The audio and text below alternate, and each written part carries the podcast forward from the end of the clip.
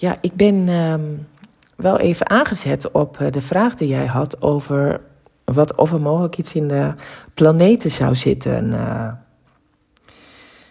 of, of in achtergrondenergie, in mijn woorden dan maar even. en het risico is natuurlijk dat je dan altijd weer in een of andere zweverige toestand terechtkomt waar sommige mensen op afhaken. Maar ik heb toch uh, de neiging om het eens even te vertalen vanuit een um, bericht wat ik ontvangen heb van iemand die heel erg goed in de human design wereld ingeschoten is. Echt een uh, entiteit op dat gebied. om eens te kijken naar het transit report, dus de energie van de dag die meekomt.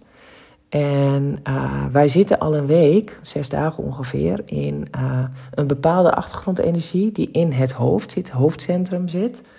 Hoofdcentrum vanuit Human Design aange, uh, ja, zeg maar, aangekeken. En dat wil zeggen dat, dat het hoofdcentrum gaat over inspiratie, over allerlei vragen, over allerlei questions, over, of, kwesties, over, over ja, inspiratie in de breedste vorm van het woord.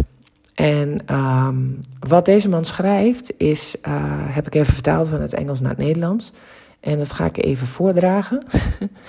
Misschien geeft dat wat antwoord of wat meer achtergronden bij de vraag die jij zelf had. En kan het ook als inspiratie dienen, gewoon als van, oh ja, leuk om te weten. En als het niet zo is, dan uh, kan je het ook weer zo weggooien. Hè? het hoeft niet opgeslagen te worden per se. Um, Um, maar het is energie die vanuit de zon komt. En dat is 70% van de energie die ons ook gewoon uh, imprint. En die ons uh, activeert.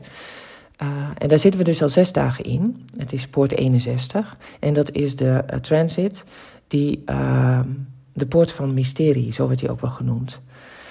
Um, dus we kunnen verwachten dat we nadenken over onszelf en de wereld om ons heen en hoe de mysteries kunnen worden toegepast om een diepere betekenis te geven aan wat er gebeurt. Nou, van alle mogelijke gekte in de hoofdpoorten kan deze echt overal en nergens zijn. Dus we kunnen merken dat we hele vreemde dingen denken en mogelijk ook zeggen. Nou, dan moet je wel onthouden dat dit een inspiratiepoort is die vooraf geconceptualiseerd is. Dus het is allemaal vooraf al bedacht.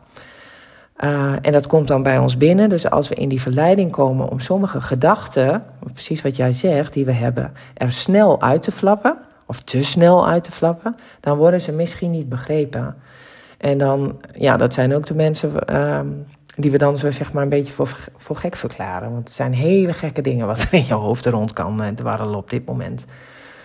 Nou, het kan een moment zijn waarop we het gevoel hebben dat we de concrete realiteit van de wereld niet aankunnen en liever in een mentale, esoterische luchtbel leven, die ons in staat stelt om te gaan met de wreedheid of verveling in het leven. Er is een grotere kans om betekenis te geven aan de chaos van het leven, die banaal of waanzinnig kan zijn. Toch is er ook het potentieel om grote, inspirerende genialiteit tegen te komen. De druk om te weten is iets dat ons in een plotseling moment kan openen om de dingen op een heel andere manier te zien. Dit zou een goed moment kunnen zijn voor denktanks om bijeen te komen, terwijl deze out-of-the-box frequentie een nieuwe draai kan geven aan welk onderwerp dan ook.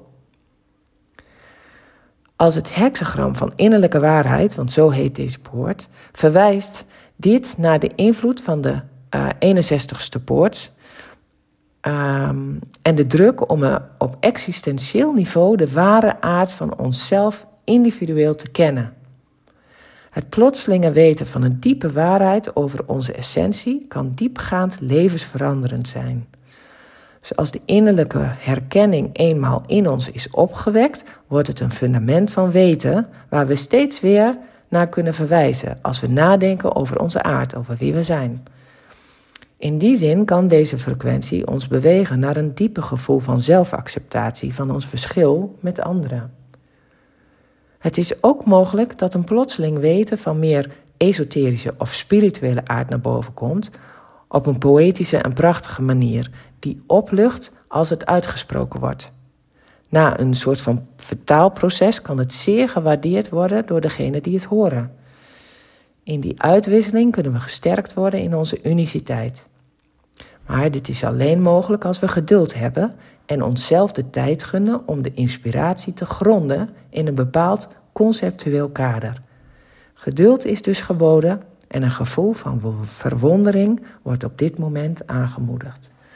Dus eigenlijk is het vooral datgene wat jij ook gedaan hebt vannacht. Dus nou, het zal wel iets in de planeten kunnen zijn. Ik verwonder mij voor wat er allemaal door me heen gaat. Maar ik weet ook helemaal niet wat ik nou net allemaal heb gedacht. Welke gedachten er door mijn hoofd zijn gevlogen. En ehm, dat is dus wel iets wat vanuit de achtergrondenergie door ons, door de hele mensheid op dit moment heen komt. Dus ik denk niet dat je de enige bent geweest die uh, dat toevallig vannacht, maar de afgelopen zes dagen uh, mogelijk heeft gevoeld of uh, ervaren. Maar het geldt denk ik wel voor mensen die zich daar ook wat meer bewust van zijn dat dat kan gebeuren zonder dat ze zich ermee identificeren. Want dat is natuurlijk wel de andere kant van het verhaal. Dat als je de innerlijke waarheid uh, nastreeft en denkt dat de innerlijke waarheid ook echt daadwerkelijk zo is, terwijl het maar iets is wat op dat moment zich even aandient en waar je je niet mee per se mee kunt of hoeft te identificeren, ja, dan, is het, uh, dan kan het ook tot hele ja, verrassende dingen komen, die misschien zelfs ook niet meer omkeerbaar zijn. Dus ja, dat is, um, dat is spannend. Ik heb de neiging om dat steeds meer te bekijken, gewoon vanuit het observeren. En daar dus veel minder een vaststaand oordeel aan vast te knopen. Um, en dat helpt mij altijd enorm. Um, en ik ben ook wel heel benieuwd of het aanzetten van het kletsen van iemand anders jou uiteindelijk in slaap heeft gebracht. En ik was ook benieuwd of dat aanzetten van het kletsen in dit geval Eckhart Tolle was. Met het leven in het uh, nu. Dat is de man van het nu, zeg maar. Zegt hij zelf dan heel zo grappig in hetgene wat jij mij doorstuurde. Want ik heb dat even geluisterd. Misschien wel leuk om het ook aan deze podcast te verbinden. Dit halve uurtje gesprek. Ja, zeg maar die, die, die um, teaching die, die Eckhart dan meegeeft over hoe het is om in het moment te zijn, maar ook in die presentie en wat dat met je bewustwording kan doen. En waardoor je dan een soort van een uh, loop maakt in het bewust worden van wat is, is. En dat je daar eigenlijk niet zo heel geweldig veel aan kunt veranderen. Dat alle gedachten vaak over de toekomst gaan. En dat toekomst ook vanzelf weer uh, nu wordt. Um, ik vind altijd heel mooi hoe Eckhart Tolle dat vertaalt. Hij uh, schrijft, of hij uh, schrijft ook in Power of Now natuurlijk, maar uh, doet ook in zijn lectures, waarin hij op een podium zit met heel veel, ja, vind ik altijd gewoon ook nuchterheid, dingen vertelt en met een grote grijns. Um, koppelt hij dat denken dat je wie je denkt te zijn en je daarmee identificeren, koppelt hij aan het ego. Het denkvermogen van mensen heeft ons veel gebracht in de positieve zin, maar ook wel echt in de negatieve zin. En uh, ja, in mijn wereld is dat binnen hoe ik naar, in human design naar dit soort dingen kijk. Wie je denkt te, te zijn, dat is je personality. En wie je uh, daarnaast ook nog bent, maar waar je niet mee kunt identificeren, is je ontwerp. Hè? Dat is uh, onderbewuste wat in jou is. En voor mij zit dat niet per se aan ego gekoppeld. omdat ego in human design gewoon je wilskracht is. Um, of daarmee uh, uh, gelijk wordt gesteld. Maar het maakt eigenlijk niet zoveel uit hoe je het noemt. Hij benoemt eigenlijk gewoon uh, dat je mind en wat je, je gedachten soms je leven kunnen gaan bepalen. En dat die ook cultuurgebonden kunnen zijn. En dat de omgeving daarin ook be belangrijk is. Waar je bedje staat, zo denk je. En ja, dat vind ik altijd heel mooi en inspirerend om naar te luisteren. En ik was benieuwd of dat uh, hetgeen is waarmee jij dan uiteindelijk in slaap bent gevallen.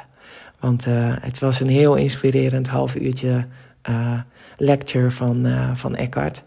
En altijd goed om dat weer even tot je te laten komen en tot je te nemen. Omdat we denk ik soms als mensen heel druk zijn met dingen die er zo ontzettend uiteindelijk niet toe doen, omdat je ze niet kan voorspellen. Je kan ze ook niet regelen en je hebt er geen controle over. Dus ja, ik kan heel erg meegaan in zijn uh, belang van uh, bewust worden en present zijn in het moment en in het nu. En dat we dat soms misschien zelf helemaal vergeten zijn. Dat, uh, omdat we zo druk zijn met wat onze hoofd van ons vraagt. Dat stemmetje in het hoofd. Waar je je dan mee identificeert. Dus ja, mooi. Ben benieuwd hoe, je dat, hoe dat gegaan is.